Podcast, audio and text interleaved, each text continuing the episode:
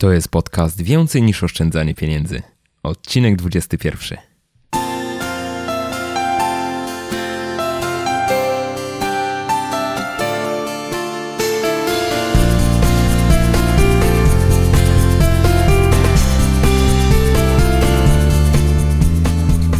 Cześć i dzień dobry. Niezmiennie mi się podoba ta muzyczka. Witam Cię w 21 odcinku podcastu Więcej niż oszczędzanie pieniędzy. Ja nazywam się Michał Szafrański i w tej audycji przedstawiam konkretne i sprawdzone sposoby pomnażania oszczędności. Opowiadam, jak rozsądnie wydawać pieniądze i jak odważnie realizować swoje pasje i marzenia. Jeśli tylko szukasz odrobiny stabilizacji finansowej i emocjonalnej w swoim życiu, to ten podcast jest dla Ciebie.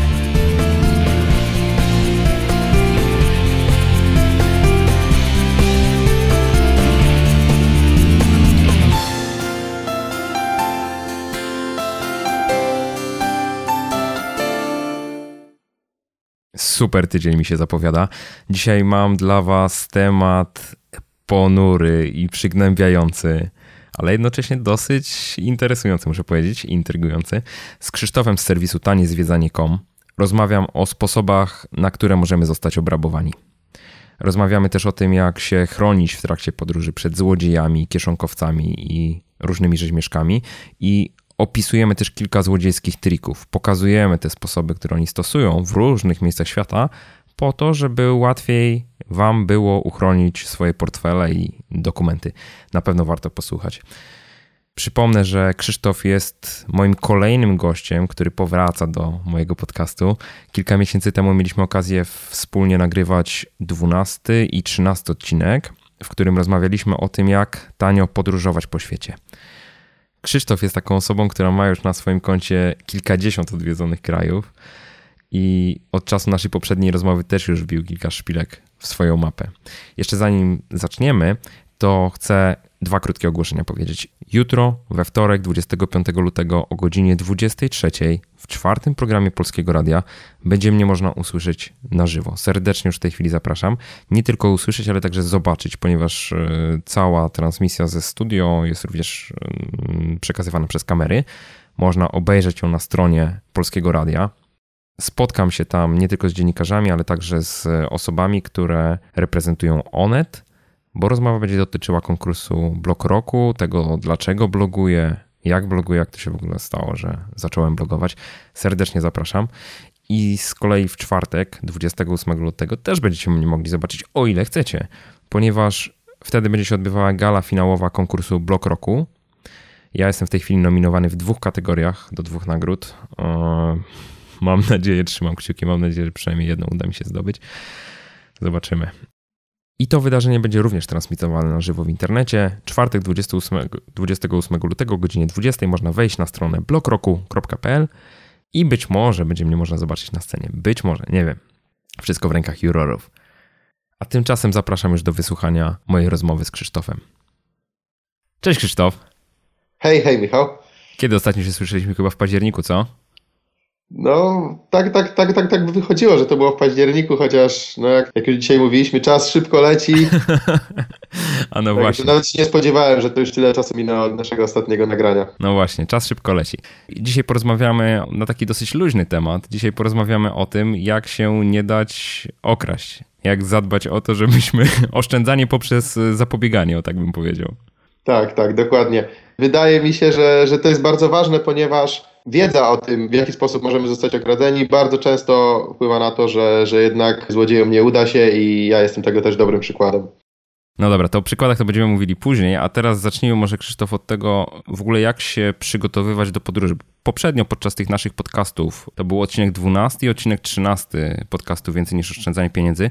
Wtedy mówiliśmy o tym, że ym, warto mieć troszeczkę pieniędzy jak dolatujemy gdzieś na lotnisko, po to, żeby chociażby przemieścić się, ym, czy kupić bilety na przemieszczenie się gdzieś tam do centrum z lotniska i tak dalej, i tak dalej. Mhm. Ale zapytam cię już konkretnie czy zabierać na wyjazdy gotówkę, czy kartę, ile tej gotówki zabierać. Spróbujmy ten temat rozwinąć. Tak z perspektywy naszego bezpieczeństwa również.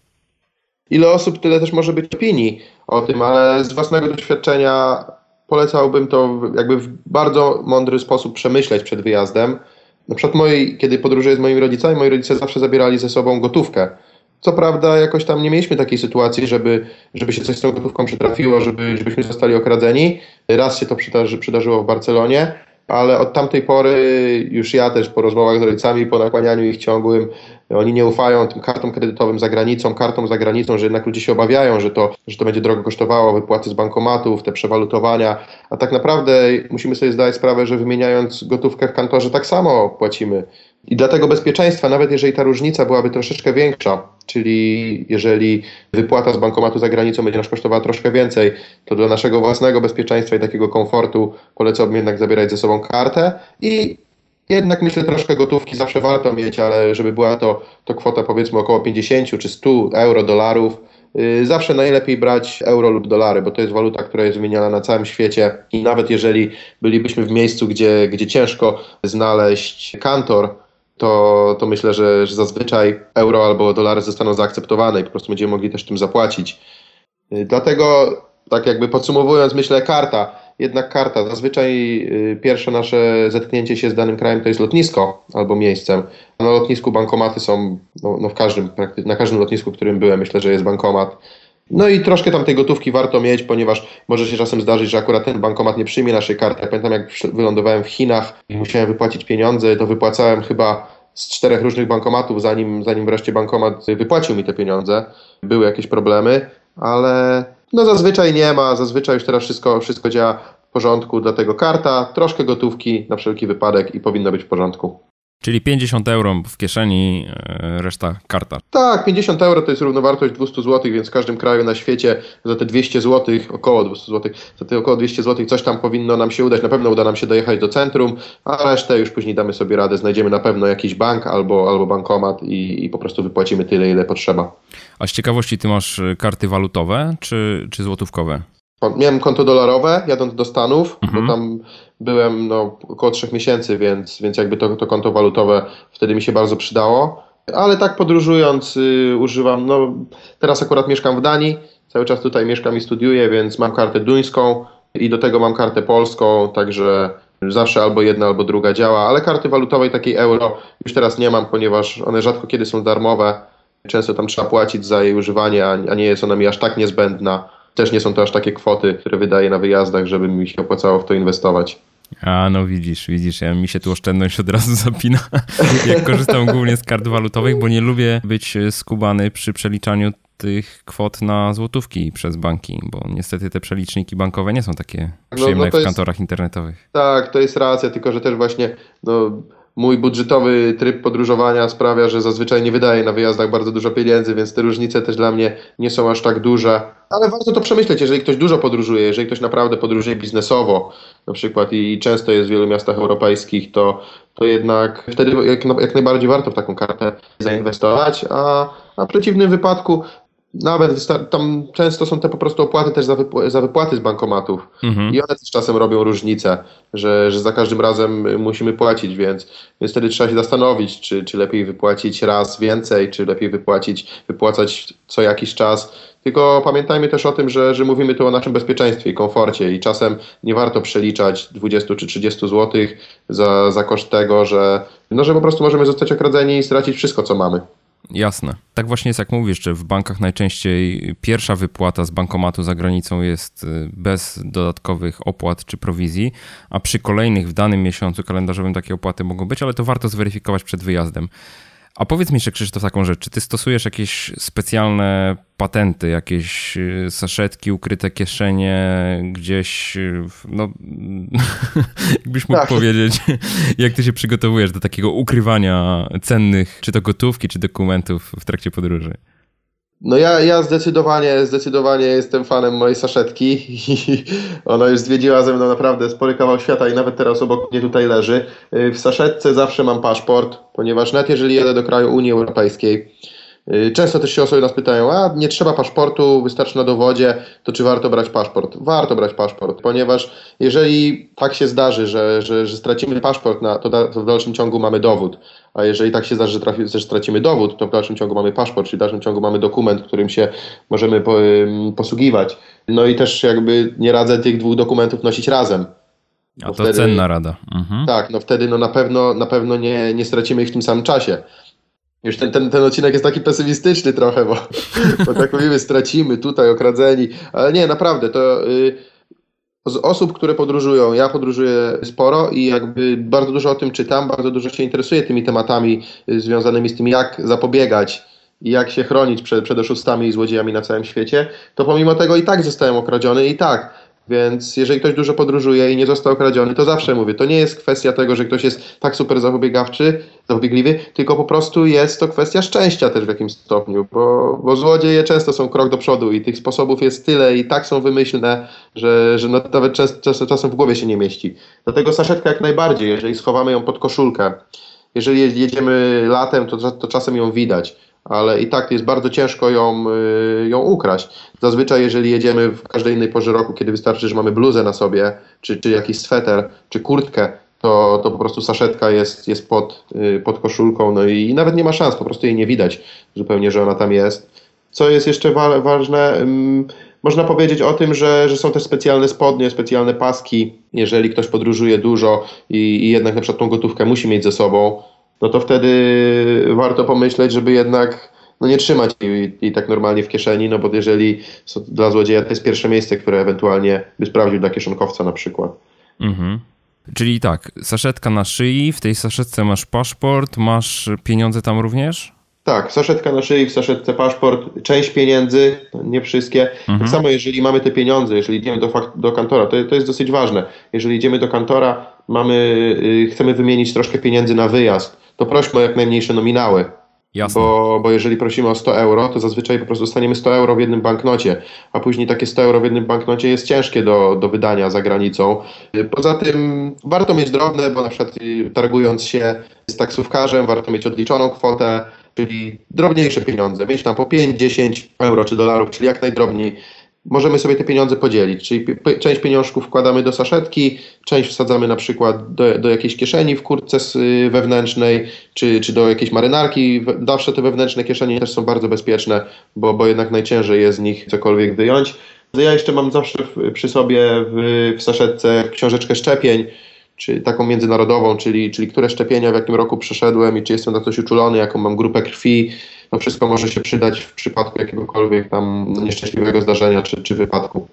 Krzysztof, ty wspomniałeś, że dużo czytasz na temat tego, jak można zostać okradzionym. Jakbyś mógł y, powiedzieć, gdzie szukać w ogóle takiej informacji? Jak przygotować się do wyjazdu pod tym kątem?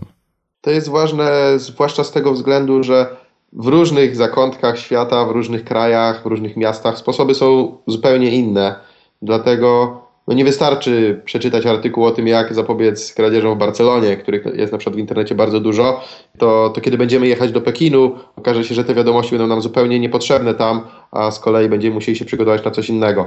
Polecam szczególnie y, Wikitravel, to jest podstrona taka Wikipedii, która opisuje mm, miasta na całym świecie. Tam są sposoby również, tak? Rozumiem, jak Tak, i tam zawsze na samym dole już prawie na samym dole prawie są y, sposoby, są opis jest opisane na co uważać, jakie triki stosują taksówkarze, jakie triki stosują sprzedawcy i tak dalej, czyli w jaki sposób można zostać, można stracić swoją, swoją własność y, w tych krajach. I od tego zawsze warto zacząć, czyli zawsze na początku wchodzimy na Wikitravel, czytamy co tam jest, y, jakie sposoby są tam opisane, no i do tego forum TripAdvisora, głównie TripAdvisora, warto wtedy wpisać wyszukiwarkę forum dane miasto, czyli na przykład wpisujemy Rome jako Rzym i plus scam, robbery, pickpocketers i wszystkie angielskie słowa, które kojarzą się i są, są powiązane z różnego rodzaju oszustwami. I tam tych historii też będzie dużo opisanych. Y, zazwyczaj jedna historia powoduje to, że ludzie dzielą się swoimi kolejnymi i, i w taki sposób bardzo można się dobrze przygotować do wyjazdu. To, co jest ważne, bardzo dużo ludzi myślę to, to ignoruje zupełnie i, i tak jakby z ręką na sercu zapytać, to to nie wiem, ile osób by, by było w stanie odpowiedzieć, że przed wyjazdem na wakacje czyta w jaki sposób mogą zostać w danym miejscu okradzeni. Myślę, że, że niewiele osób to robi, a, a jak najbardziej powinno się to robić, ponieważ ja jakby pierwszy artykuł o tym napisałem y, po tym, jak pojechałem do, do Madrytu. Y, pojechałem tam z rodziną i w Madrycie pracowała moja koleżanka, która pracowała tam w barze w centrum i opowiadała mi, że y, czasem wychodzi przed ten bar i rozdaje klientom, y, znaczy przechodniom rozdaje takie kupony na, na tańszy alkohol, czy tam jakiś kup jednego drinka, dostaniesz drugiego gratis. I opowiadała mi, że to, co ona widzi na tych ulicach, jak wychodzi, to są całe szajki i to, jak oni okradają turystów, to jest coś niesamowitego. I właśnie ona mi zaczęła opowiadać o tych sposobach różnych. No i ja tak z ciekawością tego słuchałem. Tam wymieniliśmy kilka y, doświadczeń. Okazało się, że, że ją także okra, okra, okradziono w Madrycie. I kiedy wróciliśmy. A i, i najśmieszniejsze było to, że czy oni widzieli, że ona wie. No bo mhm. jeżeli ktoś tam jest cały czas, no to jednak to widzi.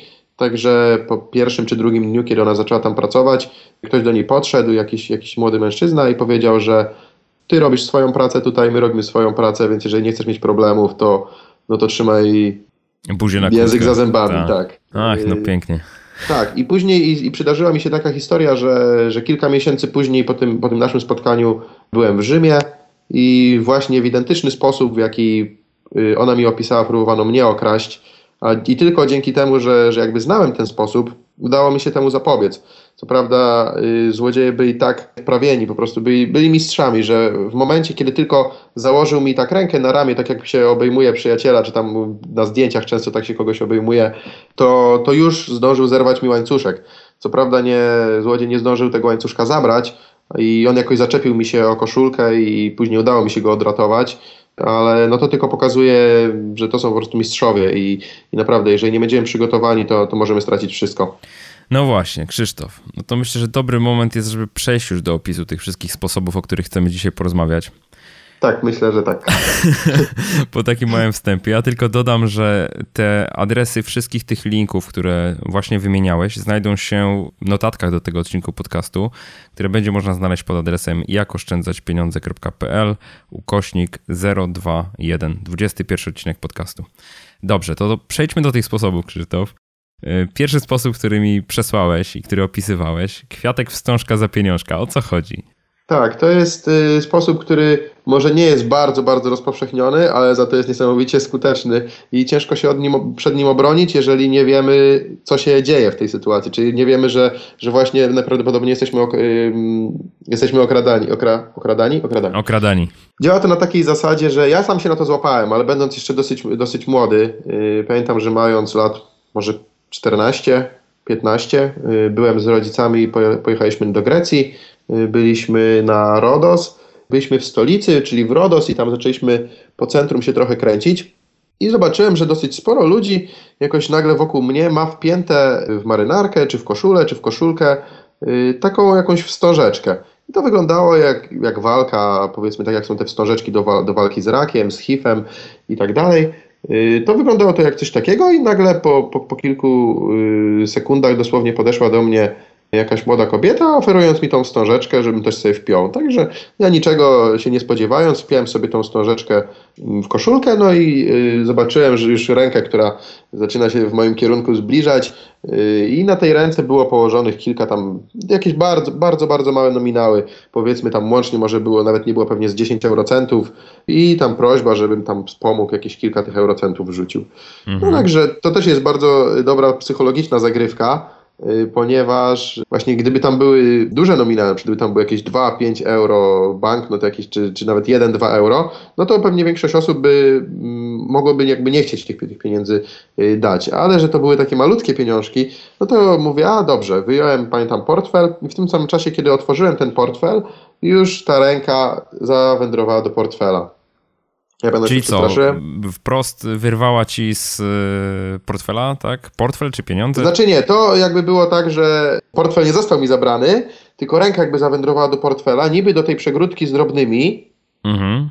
ale zazwyczaj odbywa się to tak, że, że nam się wydaje, że jakby wszystko się odbywa z drobnymi, czyli tam z monetami, a tak naprawdę w tym czasie y, wyciągane są wszystkie banknoty, które, które są zazwyczaj w tym miejscu, w którym powinny być banknoty y, w portfelu w tej ostatniej przegródce. Czary Mary Hokus Pokus. I tego w ogóle nie widać. To nie, nie, ma, nie ma szans, żeby to zauważyć. My zazwyczaj się przestraszeni, zamykamy portfel, chowamy go do kieszeni, odchodzimy i dopiero kiedy następnym razem będziemy potrzebować banknotów, orientujemy się, że tych pieniędzy już tam nie ma. Czyli jeżeli ktokolwiek daje nam wstążki, jakieś kwiatki, jakieś małe zielone gałązki, to różnych tych sposobów. Ja później już jakby miałem szczęście, bo nie, nie udało jej się zabrać tych banknotów. Tam pewnie coś było, ja też miałem kilkanaście lat, to, to tam może było pewnie z 20 euro.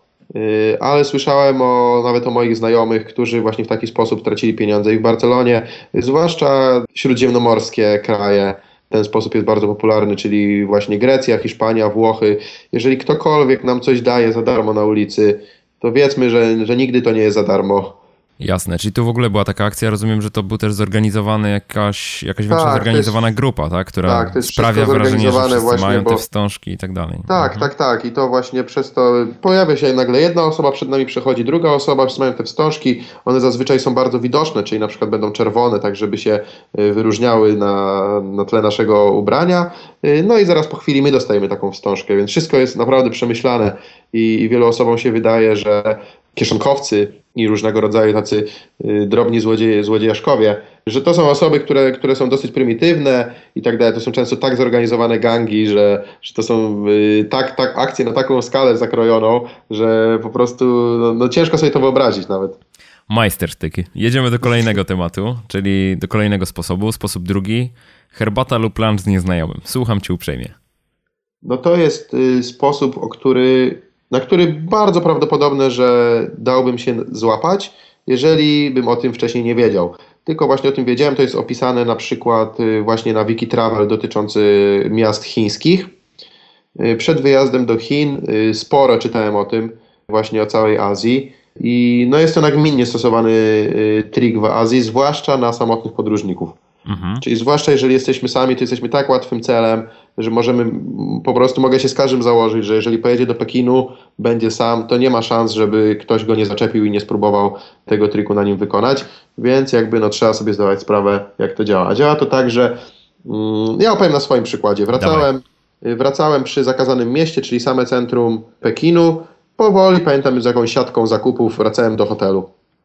I w tym samym czasie zrównał się ze mną, ja szedłem przy ulicy i na ulicy jechał y, rowerzysta. Taki młody chłopak chiński, myślę około 20 paru lat.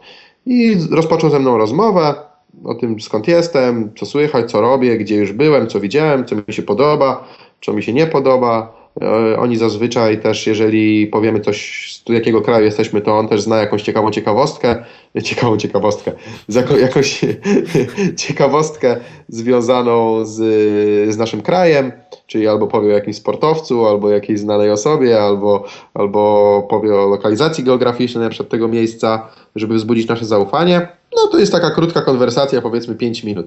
No i po tych 5 minutach, pamiętam, że my wtedy jeszcze dużo rozmawialiśmy o olimpiadzie, bo akurat była olimpiada w Londynie, i doszliśmy do skrzyżowania. W Londynie czy w Pekinie? Y, wtedy była w Londynie, bo to było w 2012 roku. Jasne. Mhm. Także, także się pamiętam, że się śmiał, że, że już Chiny tyle medali mają, a Polska to na pewno tyle nie ma co Chiny. No, tyle, to, tyle to na pewno nie. No i to generalnie ma, ma stworzyć taką atmosferę takiej luźnej konwersacji pomiędzy znajomymi. No i później już zaczynamy przechodzić do rzeczy. To było bardzo ciekawe, ponieważ ja jakby w to brnąłem, e, wiedząc co się dzieje, bo wiedziałem już, że generalnie zaraz będę y, zaproszony do jakiegoś miejsca, bo wygląda to tak, że nagle mm, ta osoba zaczyna chwalić nas angielski i narzekać trochę na to, że no tutaj w Chinach to nie ma za bardzo z kim ćwiczyć angielskiego, a że ze mną tak mu się dobrze rozmawia, to może byśmy poszli sobie jeszcze gdzieś porozmawiać. On mi opowie o Chinach, a ja opowiem mu trochę o Polsce czy o Europie.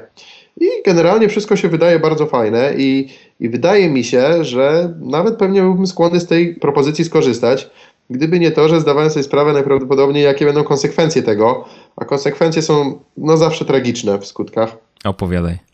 Wygląda to tak, że dochodzimy do skrzyżowania i pada propozycja herbaty, piwa, mm, jedzenia, no, wyjścia do, jakiegoś, do jakiejś knajpy, restauracji.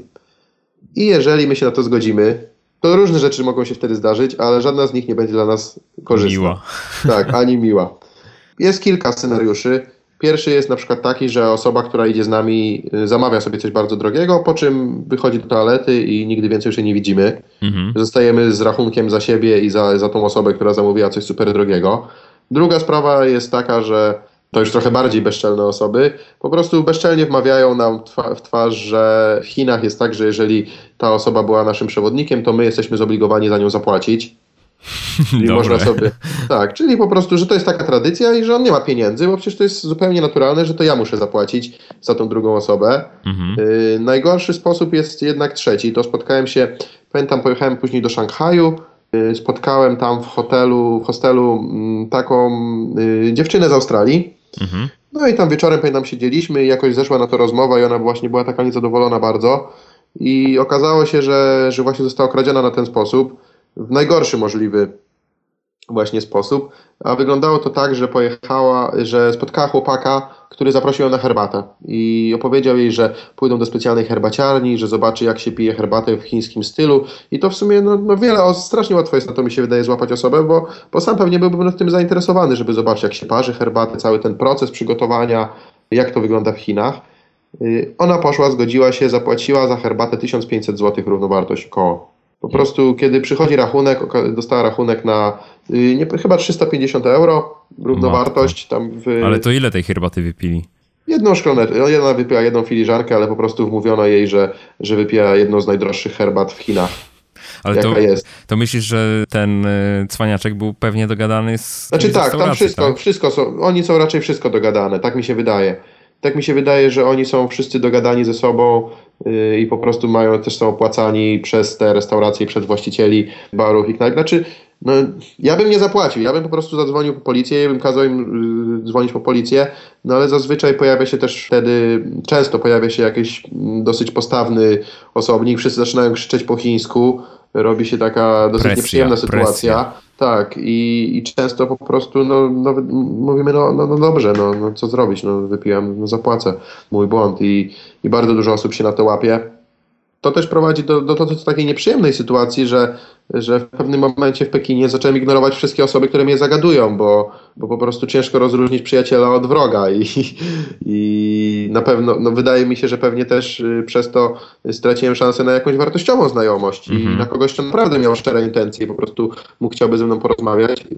No ale no niestety jest tylu tych oszustów teraz tam, co, co mnie bardzo dziwiło i aż w pewnym momencie, bo ja się oczywiście wykręciłem z tego, powiedziałem, że nie, nie ma mowy, jestem umówiony w hotelu i, i tyle, ale co mnie bardzo dziwiło to to, że, że w Chinach ten mm, znajomość angielskiego w dużych miastach jest, y, jest problemem i osoby, które znają tak dobrze angielski, to jest aż przykre, że nie są wykorzystywane do tego, żeby robić coś pożytecznego i żeby pracować z turystami uczciwie, tylko są wykorzystywani do tego, czy, czy sami się na to decydują, żeby po prostu turystów okradać i i, I to jakby też mnie tak uderzyło i, i nawet pamiętam, że miałem taką myśl, żeby, żeby, żeby, żeby mu powiedzieć, że, że czemu po prostu tak czemu to robi.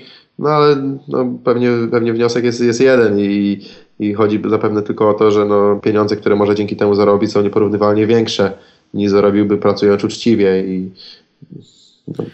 Smutne, smutne, tak. no ale, smutne, ale tak, tak to funkcjonuje. Dobrze, dobrze wiedzieć, że w taki sposób można zostać okradzionym. I rzeczywiście to, co powiedziałeś o tej znajomej z Australii, no to tak. w sumie po to jedziemy zwiedzać, żeby z takich okazji też korzystać, że ktoś nam coś Dokładnie. pokaże. A tak, właśnie niestety... to, jest, to, jest, to jest naprawdę, jakby tak się zastanowić nad tym od psychologicznego punktu widzenia, to są świetne sposoby w ogóle. To jest naprawdę, to jest niesamowite, bo, bo gdybym o tym nie wiedział, to znając siebie, pewnie bym się zgodził. Masakra. Ten, ten, ten sposób można też trochę rozwinąć, bo tam myślę, że później też musimy o tym porozmawiać, ale to myślę, że pasuje, y, żeby powiedzieć o tym w tym miejscu, czyli generalnie wszystkie takie, we wszystkich miejscach, gdzie, gdzie miejscowi zapraszają nas do, na piwo, do restauracji, no bardzo ciężko jest rozróżnić, kto jest, kto jest uczciwy, a kto nie. I no, no, no nie wiemy tego, ale oglądałem przy, jakiś czas temu, byłem, byłem w Istambule, przed, przed właśnie wizytą w Istambule oglądałem program o tym, jak turyści są okradani, okradani mm, w Istambule. Y, I było tam pokazane, że, że na głównej ulicy Istambułu kręci się zawsze kilku takich młodych chłopaków i w momencie, kiedy, kiedy widzą turystów, podchodzą do nich, zagadują, spróbują się zaprzyjaźnić i zaprosić do, do knajpy na piwo. Zazwyczaj wygląda to tak, że idziemy do pierwszej knajpy i ta osoba mówi, że, że stawia, że to, że to jest na, na koszt gospodarza, mhm. Y, czyli idziemy na, do jakiejś do knajpy, która też co pewnie jest ustawiona, wszystko pewnie jest tam kontrolowane, albo do po prostu pewnej jakiejś zwykłej, zwykłej knajpy. Gospodarz stawia nam piwo, czyli my się jeszcze jakby bardziej do niego przekonujemy. płaci za nasz alkohol i później mówi, no to chodźcie teraz do innego miejsca, pójdziemy do już jakiejś dyskoteki czy do jakiegoś lokalu. Wchodzimy do lokalu, który wygląda no już trochę bardziej podejrzanie i zazwyczaj no jest to jakiś strip club, mhm. klub nocny i tam pijemy jedno piwko, dwa, zazwyczaj dosiada się do nas jakaś dziewczyna, wszystko jest ustawione, zazwyczaj dosiada się do nas jakaś dziewczyna, oczywiście musimy też zapłacić za jej drinka, no i kiedy przychodzi rachunek okazuje się, że jest to powiedzmy 1500 zł czy 2000 zł równowartość. I no nic nie możemy wtedy zrobić. Jeżeli tego nie zapłacimy, zostaniemy pobici, wtedy pojawia się jakiś menedżer, pojawia się dwóch wielkich ochroniarzy i jeżeli nie mamy przy sobie pieniędzy, oni grzecznie oczywiście odprowadzą nas do bankomatu, żebyśmy, żebyśmy mieli możliwość pieniądze wypłacić, zapłacić za swój alkohol no powiedzmy 3-4 piwa mogą kosztować kilkaset złotych. A to jest taki tak pozytywny scenariusz, bo różne rzeczy w tych, w tych drinkach można znaleźć, to też taka prawda jest, nie? Tak, tak, tak, to jak najbardziej. Bo też ciężko się przed tym bronić. Ja też nie chcę, nie chcę żeby, żeby później po prostu ludzie wyjeżdżali na wakacje i, i po prostu Siedzieli w hotelu. Para, tak, taki paranoi trochę, bo, bo, bo, tak jest, ale po prostu żebyśmy byli ostrożni, że jeżeli Wyczuleni. idziemy gdzieś do, idziemy na piwo, to po prostu zapytajmy się, ile to piwo kosztuje. To y, no, no, unikniemy wtedy bardzo przykrej niespodzianki która może nas spotkać na koniec. A jeżeli tylko czujemy, że coś jest nie tak, jeżeli coś nam nie gra, jeżeli ktoś jest dla nas przesadnie miły albo zbyt nalega na spotkanie, bo to też jest, jest często dobry przykład, że jeżeli ktoś bardzo nalega na spotkanie, no to możemy założyć, że, że być może ma z tego, będzie coś z tego miał, jakieś korzyści. Ma w tym I jakiś wtedy, interes, tak. Tak, i wtedy warto po prostu, jeżeli wchodzimy gdzieś, jeżeli wchodzimy, nawet powiedzieć, wiesz co, ale ja mam przy sobie tylko, nie mam karty, mam przy sobie tylko powiedzmy równowartość 20 euro, więc jeżeli możemy iść na piwko, także ja mogę 20 euro, mam także mogę zapłacić za, za swoje piwo, ale, ale nie mam więcej pieniędzy przy sobie. Mhm. Także mhm. warto po prostu pomyśleć o tym, no po prostu taka, taka, nieprzy, y, taka przygoda nieprzyjemna na, na wakacjach może nam zupełnie zrujnować wakacje. I zazwyczaj jeszcze co jest przykre to to, że, że zawsze siebie obwiniamy, że nie, nie obwiniamy zazwyczaj złodzieja. Tylko zazwyczaj ludzie obwiniają siebie, że kurczę, no nie pomyślałem, mogłem to schować w innej kieszeni, mogłem, mogłem zostawić to w hotelu, mogłem to włożyć do sejfu, mogłem zapłacić za sejf. Po prostu wtedy się szuka wymówek i szuka się winy w sobie, gdzie no często po prostu no, nie, nie, jesteśmy za bardzo nic winni. Jesteśmy wykorzystywani i tyle po prostu, no. taka prawda. No, słuchaj, wiesz co, tak, tak, taką mam refleksję, tak nagrywamy, nagrywamy rzeczywiście strasznie pesymistyczny odcinek, nie? No, no niestety, ale no czasem no, no, musi taki być, bo, bo po prostu dzięki temu myślę, że, że na pewno ktoś kiedyś uniknie, uniknie, zostanie, okra, uniknie zostanie okradzionym mm, za granicą. No dobra, to poczucie misji każe mi kontynuować, w związku z tak. tym przejdźmy do trzeciego sposobu, który mi podesłałeś. Gra w kolanko. Co to jest? To jest szczególnie mężczyźni są na to narażeni. Młodzi chłopacy w miastach takich jak Barcelona, Madryt, Rzym, no zwłaszcza Hiszpania, bardzo często też w miastach, w których jest y, jakby taka silna kultura futbolu, czyli jest dosyć mm -hmm. dobra drużyna futbolowa. I to często, y, no największe żniwa są zawsze po meczu, z tego co słyszałem. Mm. I odbywa się to tak, że powiedzmy ja jestem z grupą, no też też no, najlepszy przykład, czyli mój własny przykład z Rzymu.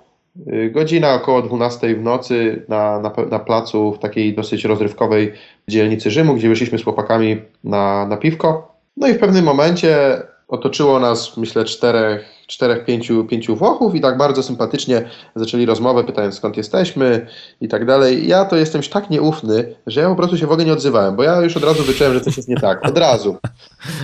I w ogóle się nie odzywałem, no ale mój kolega mówi, a Polska, Polonia, oni o Polonia, to papież, Boniek, piątki zaczęli przybijać.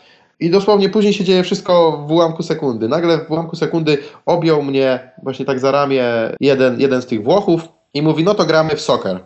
Mhm. Y, I to mm, polega to na tym, że to jest ciężko dosyć opowiedzieć, lepiej by to było zwizualizować, ale postaram się. Czyli ja obejmuję tą drugą osobę, ona obejmuje mnie i mamy jedno kolano w powietrzu zetknięte z kolanem tej drugiej osoby. Czyli jakby stoimy na jednej nodze, a drugie kolano mamy ze sobą przyłączone do siebie. Mhm. I zaczynamy skakać. I chodzi o to, żeby jakby druga osoba straciła równowagę, czyli żeby nasza noga druga została w powietrzu, a żeby tamta druga osoba położyła nogę na, na ziemi.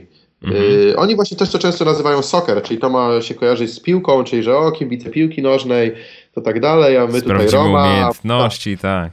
I Polega to na tym, że w momencie, kiedy my skaczemy, nie jesteśmy zupełnie w stanie kontrolować swoich kieszeni, nic. Czyli to oni nie potrzebują dużo czasu. To jest raz, dwa. i w tym czasie, kiedy my skaczemy, nasze kieszenie zostają puste, y, łańcuszek zostaje zerwany. No wszystko, co oni. Ja miałem łańcuszek pewnie na wierzchu, dlatego on jakby od razu podszedł do mnie.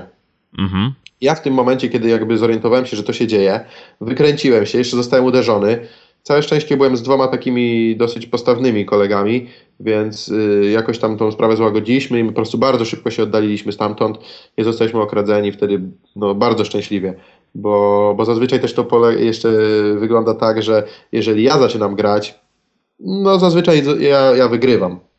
Y, koniec końców i następna osoba zostaje wzięta. No to teraz sprawdzimy twojego kolegę, no, czy, czy on wygrał, czy będzie lepszy od ciebie. I wszyscy się śmieją, jest taka sympatyczna atmosfera, także jesteśmy okradani, zupełnie w ogóle sobie nie zdajemy z tego sprawy i często się może zdarzyć, się nawet nad tym zastanawiałem, czy, czy jakby każdy później jest w stanie odtworzyć, że to właśnie w tej sytuacji został okradziony. Myślę, że dużo osób tak, ale też nie zdziwiłbym się, jakby niektórzy w ogóle tego nie powiązali, bo po prostu sytuacja nie wydaje się często niebezpieczna. Mhm, mhm.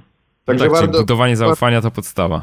Tak, jeżeli ktoś się za blisko do nas zbliża, jeżeli ktoś nas szturcha, jeżeli ktoś nas obejmuje, jeżeli ktoś udaje pijanego często, to też jest właśnie taki sposób, że ktoś udaje pijanego, jakby kładzie się na nas, niby że jest taki pijany, a w tym czasie sprawdza nasze kieszenie.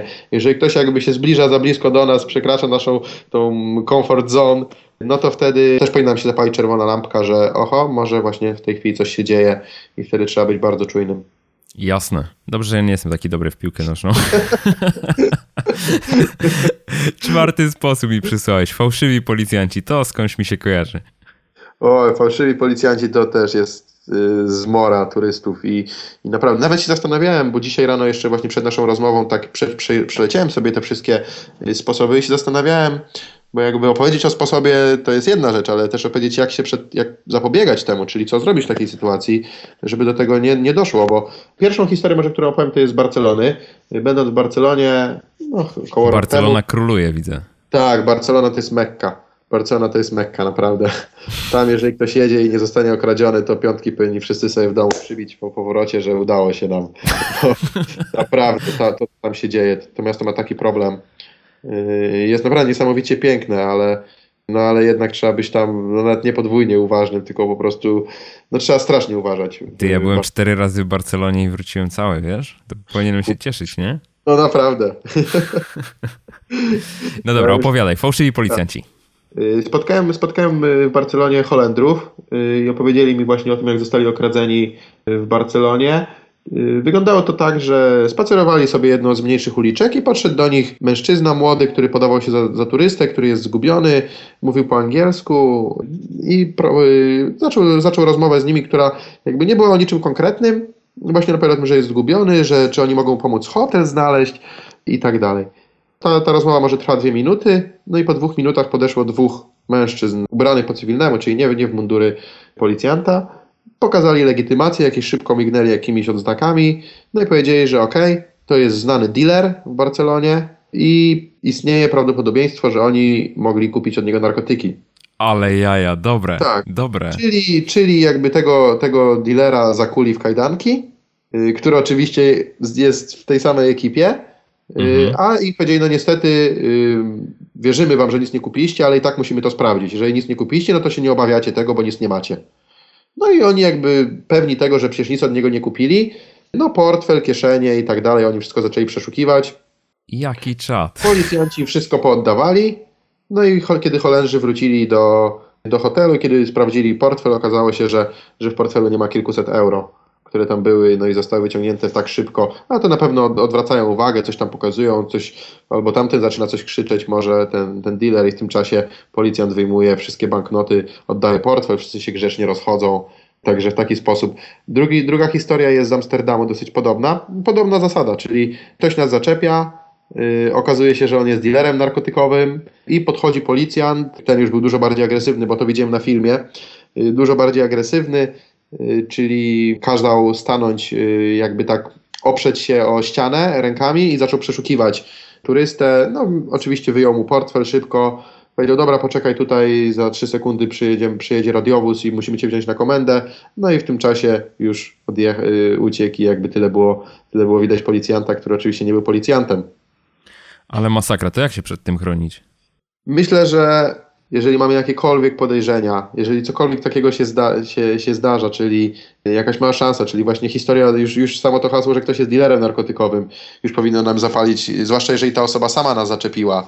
Każdy policjant, który nie jest ubrany po, jak, jak policjant i nawet, nawet jeżeli jest ubrany jak policjant, a mamy zupełnie jakiekolwiek podejrzenia, po prostu powinniśmy się nie zgodzić na to i poprosić, że po policję, tak. Tak, że w takim razie po prostu jedziemy na komendę i tam będziemy, będzie można nas przeszukać, na obojętnie jaki posterunek policji i po prostu albo dzwonić, dzwonić po policję, że yy, nawet można powiedzieć po prostu, ja nawet można powiedzieć, nie, nie, nie mówię, że nie jesteście policjantami, ale słyszałem bardzo dużo historii, dlatego ja zadzwonię po policję, niech przyjedzie tu następny yy, patrol, jakiś, tak. tak, patrol i wtedy, jeżeli będzie już, będę miał pewność, że to jest prawdziwa policja, wtedy będziecie mogli sprawdzić wszystko mnie, po prostu każdą kieszeń.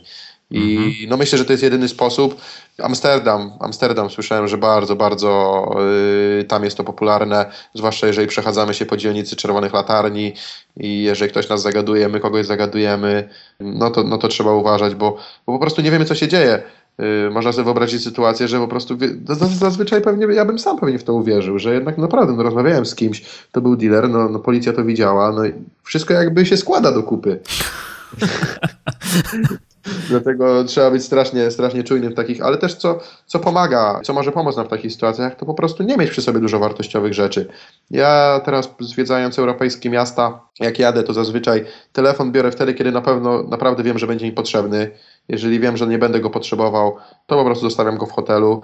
I tak samo pieniądze. Nie nośmy przy sobie całych portfeli, wszystkich kart, dokumentów, dowodów, bo później no, ja, ja Ty też... jak ciebie słucham, to ja jak jakiś jeleń się czuję, naprawdę, no. Zawsze mam wszystko przy sobie. Tak, znaczy no, no, tak naprawdę się kiedyś zastanawiałem, bo, bo rozmawiałem, pamiętam z kimś kiedyś o telefonie. Czy warto nosić telefon? Na przykład, no okej, okay, możemy mieć telefon, który jest warty, powiedzmy, nie jest dużo warty, no i tak naprawdę no, nie jest nam jakoś go, nie będzie go jakoś strasznie szkoda, ewentualnie gdyby coś się stało. Ja na przykład pamiętam jadąc do Barcelony jakiś czas temu przełożyłem sobie kartę z nowego telefonu do starego telefonu, zabrałem tylko stary telefon ze sobą. Gdyby coś się stało, no to, to nie byłoby aż tak szkoda. Mm, no ale teraz no wiadomo, no iPhony są, są dosyć yy, łakomym kąskiem dla złodziei. Też często widać gdzieś tam wyjmiemy ten iPhone, włożymy do prawej kieszeni, złodziej już wie, że ten telefon jest w prawej kieszeni, no i wtedy może spróbować go, go nam z tej kieszeni wyjąć. Dlatego po prostu przemyślmy, co nam jest potrzebne. Czy jeżeli wychodzimy na miasto, czy będziemy potrzebowali naprawdę tego telefonu, wiemy, gdzie mamy hotel, warto mieć po prostu tylko tą zapisaną karteczkę czy, czy wizytówkę z hotelu. Yy, I czy naprawdę potrzebujemy tych wszystkich dowodów naszych, legitymacji, różnego rodzaju 10 kart, gotówki i tak dalej? Czy na przykład nie wystarczy czasem włożyć po prostu sobie w kieszeń 30 yy, czy 50 euro yy, i, i tyle? I tak naprawdę może się okazać, że, że to będzie zupełnie wystarczające, a ryzyko tego, że coś stracimy, będzie wtedy niewielkie. Jedźmy dalej, jedźmy dalej, bo czasu mało, a sposobów jeszcze widzę, że całkiem dużo. Sposób piąty. Torba, kurtka, płaszcz na krześle, czyli taki dosyć tradycyjny chyba, nie? Tak, no to przelecimy bardzo szybko. No po prostu chodzi o to, że no nie zawieszajmy kurtek na krześle tak jak się zazwyczaj je zawiesza, czyli siadamy sobie na przykład w McDonaldzie, zawieszamy kurtkę na krześle, z tyłu przysiada się jedna osoba plecami do nas, no i ona w tym czasie po prostu rękami z tyłu sprawdza nasze kieszenie, co jest w kieszeniach, bo nie jesteśmy zupełnie w stanie tego kontrolować niby, a jeżeli zawieszamy tak kurtkę, to po prostu miejmy, miejmy pewność, że, że nie ma tam nic bardziej wartościowego niż, niż para rękawiczek. Warto pamiętać, żeby, żeby te rzeczy, które są dla nas ważne, jakieś najbardziej wartościowe, nosić jak najbliżej siebie. Czyli jednak kurtka nie jest dobrym miejscem, żeby nosić portfel, czy żeby nosić telefon, czy żeby nosić jakieś ważne klucze, a jednak dużo lepiej nosić to, to w spodniach, czy, czy właśnie mieć to gdzieś bliżej w jakiejś saszetce. Jasne. No, komunikacja miejska jako szósty sposób to, to pewnie długo można by było opowiadać, ale taki standardowy sposób yy, robienia, że tak powiem, w cudzysłowie mówię, robienia klientów w komunikacji tak, miejskiej? no to jest, to jest straszne. Ta komunikacja miejska to, to, jest, to jest chyba jedno z najgorszych. To ostatnio oglądałem taki ciekawy dokument na YouTubie, Y, o y, kieszonkowcu z Ameryki, który pojechał do Neapolu i tam właśnie y, poznał grupę kieszonkowców z Neapolu i oni mu pokazywali w jaki sposób okrada się turystów. No to są mistrzowie, oni potrafią z przedniej kieszeni, z przedniej kieszeni wyciągnąć pieniądze tak, że, że my tego zupełnie nie poczujemy. I oni to pokazywali, wszystko było nagrane. Oczywiście później oddawali te pieniądze turystom, ale to było tylko dlatego, że że program że, był nagrywany. Tak, że był, to, że był to nagrywany program, ale tak naprawdę to nikt nam nigdy, nikt nam nigdy pieniędzy nie odda już. No jeżeli jesteśmy w komunikacji miejskiej wszędzie, no ta nasza ostrożność musi być wzmożona. Zwłaszcza jeżeli jest tłoczno, jeżeli jest dużo ludzi, to jest naj, najlepsze jakby mm, środowisko dla, dla kieszonkowców, kiedy jest, kiedy jest bardzo tłoczno, ciasno, ludzie się przypychają. Najlepiej, czyli tak, plecak zakładamy na, na przód, Czyli nie, nie zostawiamy plecaka na plecach, bo wtedy każdy może otworzyć, włożyć tam rękę, tylko przerzucamy go sobie naprzód, czyli mamy jakby plecak na brzuchu. Mhm. Yy, no, na, Mistrzostwo Świata to jest to, co, co zrobił właśnie nasz znajomy. Ja nie wydaje mi się, Michał, że, że opowiadałem Ci o tym przy okazji naszego ostatniego podcastu, ale może nie wszyscy słuchali, także szybko jeszcze przytoczę tą historię. Yy, znajomy naszych rodziców pojechał do, do Barcelony, i moi rodzice go bardzo przestrzegali przed tym, żeby uważał strasznie, ponieważ tam y, no, kradną w Barcelonie i, i no, wiele, wiele jest miejsc, gdzie może zostać okradziony i sposobów. No i ten, y, ten właśnie przyjaciel naszej rodziny był bardzo ostrożny na tym wyjeździe i wsiadając do metra miał przewieszony przez szyję pokrowiec z aparatem i trzymał, założył sobie tak ręce na skos na klatce piersiowej, żeby nikt mu nie mógł w stanie tego, nie był w stanie tego zerwać. I stał. No i w momencie, kiedy wysiadał y, z metra, okazało się, że ten pokrowiec jest dziwnie lekki. No co się okazało, to jest aż śmieszne, ale y, od dołu ktoś wyciął jakimś bardzo ostrym nożykiem, po prostu przeciął, przeciął dół pokrowca mhm. i wyjął od dołu aparat. Mimo tego, że ta osoba trzymała ten pokrowiec. Mhm, mhm. Przez to, że trzymała, też pewnie nie czuła, że on się nagle zrobił bardzo lekki, więc okazało się, że, że to nie pomogło, a wręcz ułatwiło robotę yy, złodziejowi. No ale to tylko pokazuje, ile jest sposobów. I naprawdę, że nawet będąc bardzo ostrożnym, można i tak stracić swoją własność. Dlatego no, musimy mieć oczy i, i uszy szeroko otwarte w metrze. I właśnie ta osoba, która, która prowadziła ten program, mówiła, że często można zobaczyć, że jeżeli wchodzi kilka osób do metra, dziwnie się rozglądają, patrzą po sobie, jakieś, jakieś znaki komunik komunikują się między sobą oczami czy coś, to, to wtedy no, no można się rozejrzeć i zobaczyć, że, że może coś się zaraz będzie działo. Czyli profilaktyka przede wszystkim. Czyli jak widzimy taką sytuację, to czmychać w inne miejsce, ewentualnie wzmożona czujność, tak? Tak, tak, jak najbardziej, jak najbardziej. Ach, zapobieganie najlepszą formą, że tak powiem. pilnowania siebie. Dobra, kolejny sposób, bo o tej komunikacji miejskiej to wiadomo, że pewnie długo można by było tak, mówić o tych to... sposobach. Ja się na tym nie znam, szczerze mówiąc. Y, zawsze się czuję, ja się czuję bardzo niekomfortowo jako osoba, która się przemieszcza samochodem przede wszystkim.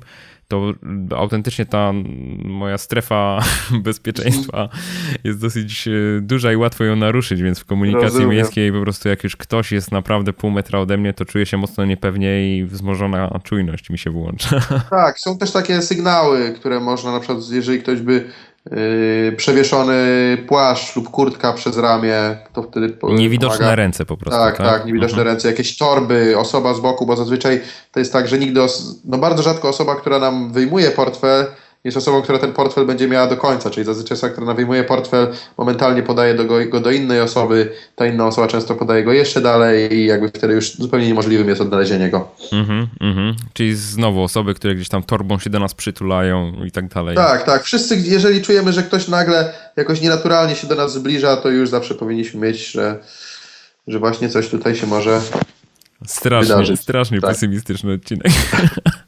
Nawet sobie nie zdawałem sprawy, ale tak jak, jak nagrywamy, to... Słuchaj, siódmy sposób, chyba siódmy, na plaży tak. napisałeś. No. no trzeba być bardzo, bardzo, bardzo uważnym na plaży. Y, we wszystkich miastach, gdzie są plaże, wyglądają właśnie że ciekawy. Y, polecić mogę wszystkim bardzo ciekawy program. Nazywa się on y, Miejski Przekręt, to jest polska wersja tego programu. Ono jest na, na Discovery, się pojawia chyba w czwartki. Nie wiem, czy, czy jeszcze jest, bo teraz nie, nie mieszkam w Polsce, więc ciężko mi to zweryfikować, ale... Na National byłem... Geographic chyba też leci, z tego co kojarzę. Tak, właśnie możliwe, albo właśnie nie wiem, na Discovery albo na National Geographic. Na którym z tych dwóch, o 22 w czwartki leciał taki program Miejski Przekręt. No wspaniały program, po prostu wspaniały do tego, żeby się przygotować, jakie sposoby mm, na całym świecie wykorzystują tacy rzezimieszkowie. Jeżeli ktoś by chciał, na, na YouTubie jest bardzo dużo odcinków darmowych, to się nazywa Scam City i właśnie jest to taki brytyjski dziennikarz, który podróżuje po całym świecie i specjalnie wystawia się i sprawdza w jaki sposób y, może stracić pieniądze.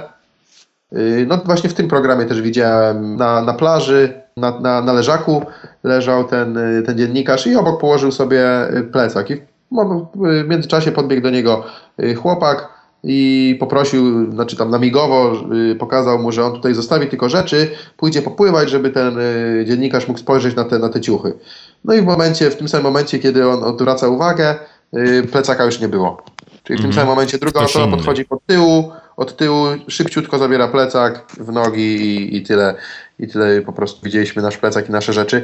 W Barcelonie my zostaliśmy tak ogrodzeni, ja po jakiś czas temu no to już było kilka lat temu, pojechałem tam z tatą. Do dzisiaj nie mamy zielonego pojęcia, jak to się stało. To, co też jest ważne, jeżeli jest, idziemy na plażę, to bardzo często, chcąc uchronić się przed kradzieżą, przekładamy wartościowe rzeczy na przykład do plecaka. Czyli wszystkie rzeczy wyjmujemy z kieszeni, portfel. To ba bardzo łatwo jest to zauważyć. Jeżeli na przykład siedzimy sobie na plaży i zobaczymy, jak ludzie przychodzą i się zaczynają rozkładać, to widać, że wyjmują na przykład telefon, portfel z, ze spodni, przekładają wszystko do torebki damskiej, czy przekładają wszystko do plecaka. I wtedy to już jest pierwszy błąd, bo wtedy pokazujemy złodziejowi, gdzie mamy wszystkie wartościowe rzeczy. Co mamy i gdzie mamy. Tak, co mamy i gdzie mamy, dokładnie. Czyli już większej przysługi na początku, od początku nie mogliśmy mu zrobić. Dlatego jeżeli idziemy na plażę, to warto gdzieś już tam przed plażą sobie to wszystko naszykować, albo nawet w hotelu już mieć wszystko tam, gdzie, gdzie chcemy. No jednak mieć na to cały czas oko. Wszystko zazwyczaj jest ten sam motyw, czyli yy, odwracanie uwagi. Czyli podejdzie ktoś, będzie nam oferował masaż, będzie nam oferował yy, banany, kokosy, melony, jakieś napoje, piwa, wszystko, jeżeli tylko się przy nas zatrzyma na chwilę dłużej, zaczniemy się targować, zaczniemy coś rozmawiać, nasza uwaga wtedy jest skupiona na tej osobie, no i wszystko, co leży poza nami, gdzieś tam z tyłu, z boku, jest wtedy bardzo łatwe do zabrania i mamy podejrzenie, że właśnie tak też wtedy było w Barcelonie. Ósmy sposób opisałeś ze skutera. Tak, to myślę też dużo osób o tym słyszało, o tym sposobie ze skutera. Zazwyczaj dziewczyny, kobiety są na to narażone. W krajach azjatyckich bardzo często Wietnam, Filipiny, Tajlandia. No polega to na tym, że idziemy sobie ulicą przy krawędzi, gdzieś przy krawężniku y, przy ulicy i mija nas rozpędzony y, skuter. I w momencie, kiedy jest dosyć blisko, y, zwalnia, chwyta za torebkę, wyrywa torebkę i ucieka dalej na skuterze, czyli tak naprawdę nic nie możemy zrobić. I to, jak, jak radzą się przed tym chronić, to po prostu zawieszać przez, przez oba ramiona, czyli zawieszać w taki sposób i torebkę nosić nie od strony ulicy, tylko od strony części dla, dla pieszych. Kilka osób słyszałem, że zostało tak okradzione. Pamiętam, że właśnie dziewczyna, która przyjechała na Filipiny, próbowała się bronić nawet przed tym, y, czyli kiedy złodziej próbował jej wyrwać tą torebkę, y, ona zaczęła panikować, zaczęła krzyczeć, nie mógł jej, jej wyrwać, wyjął broń. Nie wiadomo, czy ta broń była prawdziwa, czy nie ale wyjął broń, no i w tym momencie ona jakby momentalnie tą torebkę puściła i, i ten złodziej uciekł. I to też jednak warto wspomnieć o tym, że, że jeżeli się przytrafi jakaś taka mm, nieprzyjemna sytuacja, no to ja jednak radzę nie walczyć do końca, tylko, tylko jednak oddać to, co jest, bo, bo może się okazać, że, że tam e, telefon czy, czy, czy pieniądze nie będą na tyle wartościowe, co, co nasze zdrowie czy życie. Dramatycznie się robi. Kurczę, taki, taki zrobiliśmy dzisiaj odcinek, że ja nie wiem, no ale wydaje mi się, że on będzie potrzebny. Naprawdę dramatycznie. Na koniec może jakieś kawały poopowiadamy. Nie, na koniec mamy ten punkt specjalny, na koniec widzę tutaj na liście, ale zanim do niego dojdziemy, to punkt dziewiąty, czyli fałszywe pieniądze. No to jest coś, co może nam się przytrafić wszędzie i pewnie nic się nie da z tym zrobić, co? Tak, zupełnie właśnie, no, nie, nie, nie, nie, ma, nie ma sposobu, żeby się przed tym bronić. Zwłaszcza słyszałem na przykład Buenos Aires y, w Argentynie, wielki problem to jest. No i wszystkie też takie kraje troszkę mniej rozwinięte y, jednak, ale tak naprawdę no, nigdy nie jesteśmy w stanie powiedzieć y, kto, gdzie i kiedy. Z tego co słyszałem w Buenos Aires, nawet w kantorach i w bankach zdarzają się podrabiane pieniądze, że jest po prostu cała mafia, która która rządzi tym miastem i, i głównym źródłem dochodu są fałszywe pieniądze. Dlatego no jest to zmora. Bardzo często taksówkarze, taksówkarze, którzy kupują fałszywe pieniądze, wydają fałszywe pieniądze y, osobom. No, no, no, ciężko nawet jakby, no jeżeli nam się zapali jakaś lampka, że, że coś z tym pieniądzem jest nie tak, bo czasem są podrabiane tak, że no, nie jesteśmy w stanie tego poznać i, i wtedy, zwłaszcza, że jesteśmy w innym kraju, nie znamy tej waluty, yy, często też ta jakby faktura papieru jest zupełnie różna w różnych krajach. No, no po prostu jak najbardziej wiarygodne tylko źródła, czyli, czyli właśnie jeżeli gdzieś tam mamy podejrzenia, że coś mogłoby się wydarzyć, to, to może jednak warto przejść się do banku, w banku wypłacić pieniądze. Innych no tak jak napisałem, bardzo ciężko jest się przed tym bronić, ale, ale warto sobie zdawać z tego sprawę, że na przykład w Argentynie to jest ogromny problem, kraj z tym walczy, ale cały czas jakby nie mogą sobie do końca z tym poradzić. Ale to już jak, żeby tak trochę ocieplić klimat, to można powiedzieć, jak już nam się trafią te fałszywe pieniądze, to przynajmniej możemy dać się okraść, nie? Tak. Szukając pozytywów w tym wszystkim. No to, by, to by była świetna kombinacja wtedy.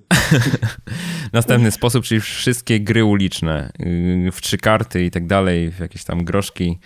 Tak, mm. no myślę, że, że, że grę w trzy karty to, to dużo słuchaczy będzie kojarzyć, chociażby z krupówek, czy, czy właśnie tam spod, spod gubałówki, czy czasem na gubałówce.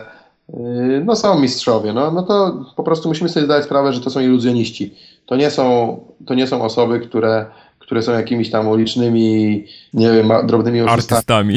artystami. Tak, artystami, zupełnie nie, tylko to są po prostu iluzjoniści. Jeżeli przy, jest bardzo dużo filmów na YouTubie, w których można sobie prześledzić, jak, jak, to, jak to tak naprawdę działa i zobaczymy, że po prostu oni oszukują nasze oko, że nam się wydaje, że, że po prostu to na pewno będzie ta karta, a jednak to nie jest ta karta.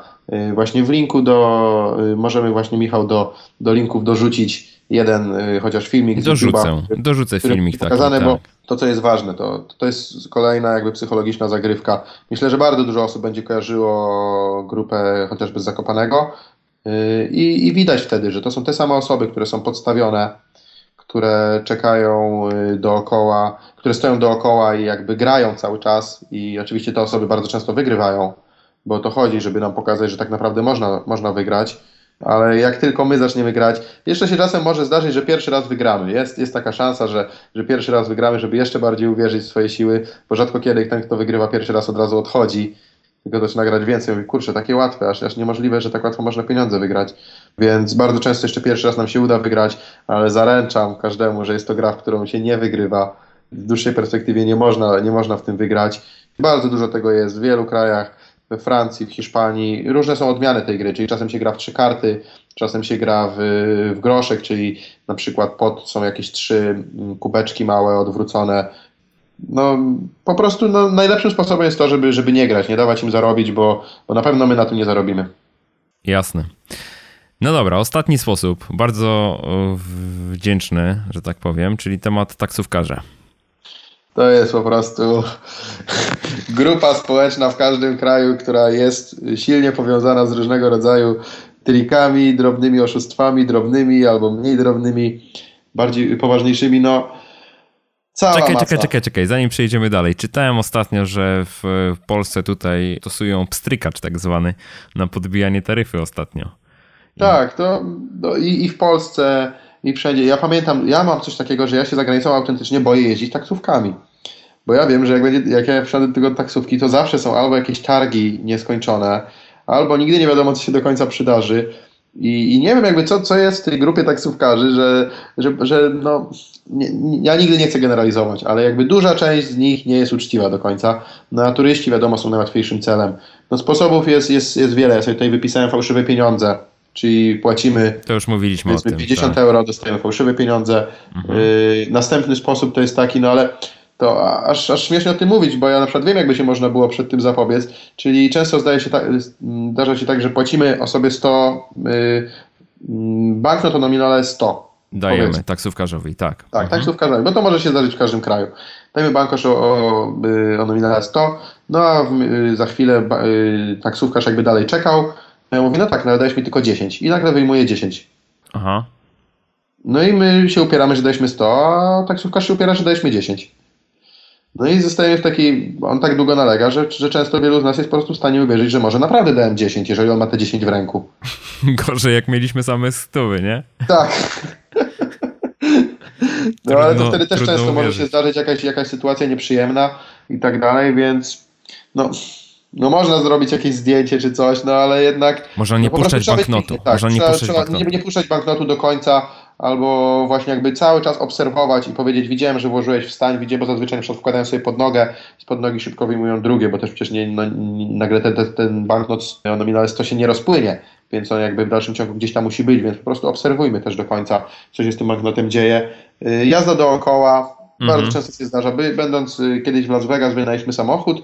No i tak się akurat zdarzyło, że y, wynajęliśmy samochód w Las Vegas, zdawaliśmy go też w Las Vegas, więc jakby te ulice Las Vegas w miarę poznaliśmy. No tyle, ile tam było to konieczne, ale musieliśmy też pojechać na ostatniego dnia na lotnisko, oddać samochód. No i do centrum musieliśmy wrócić, więc wzięliśmy wtedy taksówkę. No i zauważyliśmy, że jedziemy zupełnie okrężną drogą, bo już poznaliśmy drogę, którą powinniśmy jechać, no bo tą samą drogę właśnie przemierzyliśmy przed chwilą. yy, do, na lotnisko. Pojechaliśmy zupełnie naokoło, praktycznie przez, auto, przez autostradę. Yy, I w momencie, kiedy dojechaliśmy, no zdaliśmy sobie z tego sprawę, no ale co mogliśmy zrobić? Nic nie mogliśmy zrobić. I kiedy przyjechaliśmy do, pod hotel, yy, zapłaciliśmy taksówkarzowi i był oburzony, że nie dostał napiwku. Powiedział, a gdzie mój tip? I ja już taki w szoku. Mój kolega też, bo we dwójkę byliśmy. I po prostu był oburzony, że, mu, że daliśmy mu tyle, ile powinniśmy dać. No i w końcu, no bo no, no jest w Stanach tak przyjęte, że generalnie powinno się tam trochę więcej zostawić, no ale kiedy zdaliśmy sobie sprawę, że jeszcze zostaliśmy przez niego oszukani, jeszcze proszenie się o tip już było taką bezczelnością, że w końcu ten mój kolega wybuchł i powiedział, że jesteś bezczelny, my znamy Las Vegas, wiemy, że pojechaliśmy naokoło, więc ciesz się, że w ogóle zapłaciliśmy ci to, bo jeszcze jak, jak jeszcze chwilę tutaj z nami będziesz, to, to zadzwonię do twojej tej y, firmy, która dla której pracujesz i po prostu to złożę ra raport, że, że nas oszukałeś, że pojechałeś naokoło. Także wtedy już się kierowca uspokoił i, yy, i odjechał. bez tipa. Tak, tak. No ale to też, też są sposoby, no, które tak naprawdę bardzo często je, bardzo ciężko jest temu zapobiec, bo jeżeli jedziemy do jakiegoś miasta i go nie znamy, no to tak naprawdę nawet nie wiemy, czy jedziemy naokoło, czy nie. No skąd mamy wiedzieć? Yy. Podawałeś mi też taki przykład chyba z Indii czy, czy Bangkoku. Tak, tak, tak. To, no Indie to też jest mistrzostwo świata, co tam się dzieje z tymi taksówkarzami. Tam też bardzo często zdarza się tak, że, że taksówkarze współpracują jeszcze z innymi osobami i na przykład do taksówki nagle y, wsiada nam jakaś osoba, która podaje się za travel agent albo jakiegoś innego tam y, pracownika rządu y, Indii i tutaj musimy uiścić opłatę, tutaj nie możemy jechać. No taksówkarze i wszystkiego rodzaju kierowcy, każdego rodzaju kierowcy tuk-tuków, jakichś różnych motorków i tak dalej. No bardzo często się zdarza, że oni mają jakieś różne interesy swoje. Na przykład zamiast do miejsca docelowego, nagle okazuje się, że taksówkarz zawozi nas do, do jakiegoś sklepu i mówi, o tutaj zobacz, tutaj w sklepie są takie i takie rzeczy, tutaj jest świetnie, a, a zazwyczaj po prostu polega to na tym, że on ma z tego korzyści. To właśnie w tuktuki w Bangkoku tak działają i też taksówki w różnych miejscach. Bardzo często też się zdarza, tak jak y, właśnie w filmiku, y, ten angielski dziennikarz pojechał do, do, do Bombaju chyba i właśnie został zawieziony przez taksówkarza i tego ala travel agenta do y, zupełnie innego hotelu niż ten, który, który zamówił i mu mówiono, że po prostu ten hotel jest zamknięty. To różnie. Czasem mówią, że zamknięty, czasem, że w remoncie, czasem, że tego hotelu w ogóle nie ma i zaprowadzał do hotelu, który na przykład jest prowadzony przez znajomego, czy brata, czy tam rodzinę i tak dalej. Yy, także naprawdę świetny film. Yy, pierwsze 10 minut, kto, kogo zainteresuje, może sobie obejrzeć cały, ale pierwsze 10 minut jest świetne do zobaczenia, bo jest pokazane, ile trików jest stosowanych przez tak krótki moment, yy, czyli od momentu wzięcia taksówki na lotnisku do momentu przyjazdu do hotelu, ile jest trików, że po prostu kierowca jedzie przez dwie godziny, nagle jakieś zatrzymują go, okazuje się, że tam są jakieś obrzędy, że trzeba zapłacić, żeby przejechać. Także po prostu już maksymalnie chcą tego turystę zmęczyć, żeby on będzie, kiedy już dojeżdża ten hotel, już machnął ręką, powiedział, dobra, już po prostu chcę wysiąść z tej taksówki do hotelu, już obojętnie jaki to będzie hotel. Yy, no także tych sposobów jest wiele. To, co ja stosowałem będąc w Bangkoku, bo tam no, ciężko mi się było z tymi taksówkarzami porozumieć, to miałem taktykę taką, że po prostu za każdym razem mówiłem, że to jest mój ostatni dzień. Wszystko już widziałem, wszędzie byłem i już nic nie potrzebuję, tylko potrzebuję, żeby mnie zająć jedno miejsce i stamtąd już jadę na lotnisko. Wtedy już może paść tylko jedno pytanie, no to może kolego zawierzę cię na lotnisko, a wtedy mówi, nie, nie, już mam tutaj załatwiony transport, także obędzie się bez tego. Cwaniak, asertywność. Tak, no trzeba, nie, no, naprawdę. Y, w Bangkoku o tyle jest problem, że na przykład 40 y, minut pamiętam jechałem taksówką w korkach do, do miejsca, do jednej tam ze świątyń, którą chciałem odwiedzić i przez te 40 minut taksówkarz po prostu przez całą drogę zachęcał mnie, żebym z nim pojechał na na dziewczyny wieczorem, na następnego dnia na tygrysy, na floating market, na milion rzeczy. I oni naprawdę nie rozumieją słowa nie, bo, bo jak grzecznie, no, na początku się starałem grzecznie powiedzieć nie, nie, nie, nie, nie, ale no, oni nie dają za wygraną, nie dają za wygraną. I to też jest bardzo fajne do zauważenia, że jeżeli wsiadamy i powiemy, że to jest nasz ostatni dzień i, i tak naprawdę już wracamy, to też y, warto zobaczyć, że, że oni nagle już się nie okaże się, że już nie są tacy wcale sympatyczni i przyjacielscy, jak zawsze na początku się starają być, tylko nagle po prostu nic już nie będą mówić, tylko będą jechać i my będziemy sobie też w spokoju jechać, nie, nie musząc się targować przez, przez całą drogę z nachalnym taksówkarzem. To dobry sposób. To, tak. to mi się podoba. No dobra, wspominałeś też o Mexico City. Tak, no Mexico City tam jest problem z tym, że, że, że taksówkarze y, są jakby uwikłani w dosyć taki bardziej poważny proceder, czyli porywanie ludzi. To już jest naprawdę poważne i oglądając ten odcinek, to, to, jest, to co jest też śmieszne, pokazałem ten właśnie odcinek z Mexico City, pokazałem jednemu z moich przyjaciół tutaj w Danii i jak powiedziałem mu, że bardzo fajna taka seria dokumentalna i że warto obejrzeć kilka odcinków i on po tym pierwszym odcinku powiedział mi, że on nie będzie tego oglądał, ponieważ jak to ogląda, to odechciała mu się podróżować. No, to jest prawda. To jest tak, prawda. Że, że, że po prostu poczuł się niebezpiecznie przez to, no ale z drugiej strony, no jak się tak zastanowimy na chłodno, czy lepiej podróżować i nie wiedzieć, czy jednak podróżować i wiedzieć, to myślę, że lepiej podróżować i wiedzieć. Chyba to co, drugie lepsze. Tak, tak co, co na nas czeka, niż jednak jeździć tak w niewiedzy. Masakryczny ten odcinek podcastu. Słuchaj, ale wiesz co, to najlepszą puentą jest to, co powiedziałeś, że z dwojga złego podróżowanie i niewiedzenie o tym, że tak to może się wydarzyć na świecie, versus podróżowanie i jednak bycie świadomym, jakie zagrożenia nas czyhają, to to drugie jest lepsze. I myślę, że tym optymistycznym akcentem powinniśmy zakończyć dzisiaj, Krzysztof. Tak, tak, tak. No chciałem jeszcze dodać, że że tak naprawdę moglibyśmy wiele, wiele y, podcastów nagrać o tym i naprawdę kilka godzin spędzić e, na, na rozmowach o tym, ale po prostu powinniśmy pamiętać, że no, czujność jest zawsze najważniejsza i ostrożność, a i tak zawsze będzie, zdarzy się tak, że, że, że złodzieje mogą znaleźć nowy sposób, wymyśleć coś kolejnego. Naprawdę niektóre sposoby są, są zupełnie absurdalne. Ja słyszałem jeszcze o, o historii, to było chyba w, jakimś z afrykańskich krajów, gdzie jedna osoba chciała wziąć autobus, po prostu z miasta do miasta, taki nocny autobus. No i wszyscy, wiadomo, w swoje bagaże wsadzają do tego luku bagażowego w, pod, pod autokarem, pod y, pokładem. No i bezpiecznie, no, no nigdy, nigdy, nigdy bym się nie pomyślał, że coś tam by się mogło z tym stać, a okazało się, że w luku y, schowana była, był pomocnik kierowcy, czy, czy nie wiem jak to nazwać, z kim tam współpracował. No i po prostu przez ten czas, kiedy autobus sobie jechał, czyli powiedzmy te 8 godzin, ten pomocnik dokładnie wszystkie torby przetrzepał, przekładając pewnie do jakiejś swojej torby, która tam była z boku naszykowana, no i wszystkie wartościowe rzeczy powyjmował. Także no, no są, są takie sposoby, który, przed którymi ciężko się bronić, yy, ale warto o tym wiedzieć. Naprawdę jeszcze raz polecam, żeby czytać, żeby przed, przed wyjazdem poczytać Wikitravel, poczytać Lonely Planet Forum, poczytać TripAdvisora Forum, no i powinniśmy wtedy być bezpieczni i wakacje powinny być jak najbardziej udane. I tym optymistycznym akcentem. Dzięki wielkie Krzysztof za rozmowę. Może jeszcze w dwóch zdaniach przypomnij, gdzie można znaleźć Ciebie informacje o Tobie.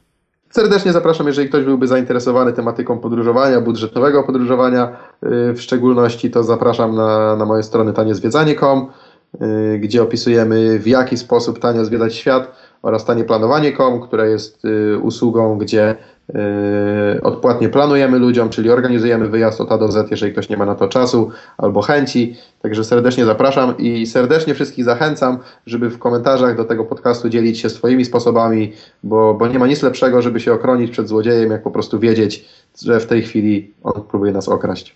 Właśnie, ja również do tego zachęcam. Absolutnie nie jestem ekspertem w tej dziedzinie. Krzysztof zdecydowanie już jest. Dzięki wielkie Krzysztof i, i no myślę do usłyszenia kiedyś tam. Bardzo dziękuję, pozdrawiam Michał Ciebie i wszystkich Trzymaj słuchaczy. Się. Trzymaj się, cześć, cześć, dzięki. Dziękuję, pozdrawiam. No i znowu wyszło nam ponad godzinę rozmowy, więc ja już nie będę przedłużał. Przypominam tylko, że notatki do tego odcinka podcastu znajdziesz pod adresem jakoszczędzaćpieniądze.pl ukośnik 021. Tak jak 21 odcinek podcastu. Tam znajdzie się lista wszystkich linków, które wymienialiśmy wspólnie z Krzysztofem. A w następnym odcinku moim gościem będzie Mateusz z Krakowa. Mateusz, który zaczął inwestowanie w nieruchomości, nie posiadając żadnego kapitału, nie posiadając zdolności kredytowej. I wyobraźcie sobie, że w ciągu zaledwie jednego roku Zaczął w lutym w ubiegłym roku. W ciągu jednego roku żyje już w tej chwili z wynajmu mieszkań. Nigdzie indziej nie pracuje. Obraca również mieszkaniami. Pewnie ciekawi jesteście, jak tego dokonał. Ja wiem. Właśnie o tym opowie nam Mateusz. To będzie kolejny podcast nagrywany w ramach cyklu Elementarz Inwestora. A dzisiaj dziękuję Ci już za wspólnie spędzony czas. Życzę Ci skutecznego przenoszenia Twoich celów finansowych na wyższy poziom Liczę na to, że będziesz mi kibicować w konkursie Blok Roku. Do usłyszenia. Dzięki, cześć.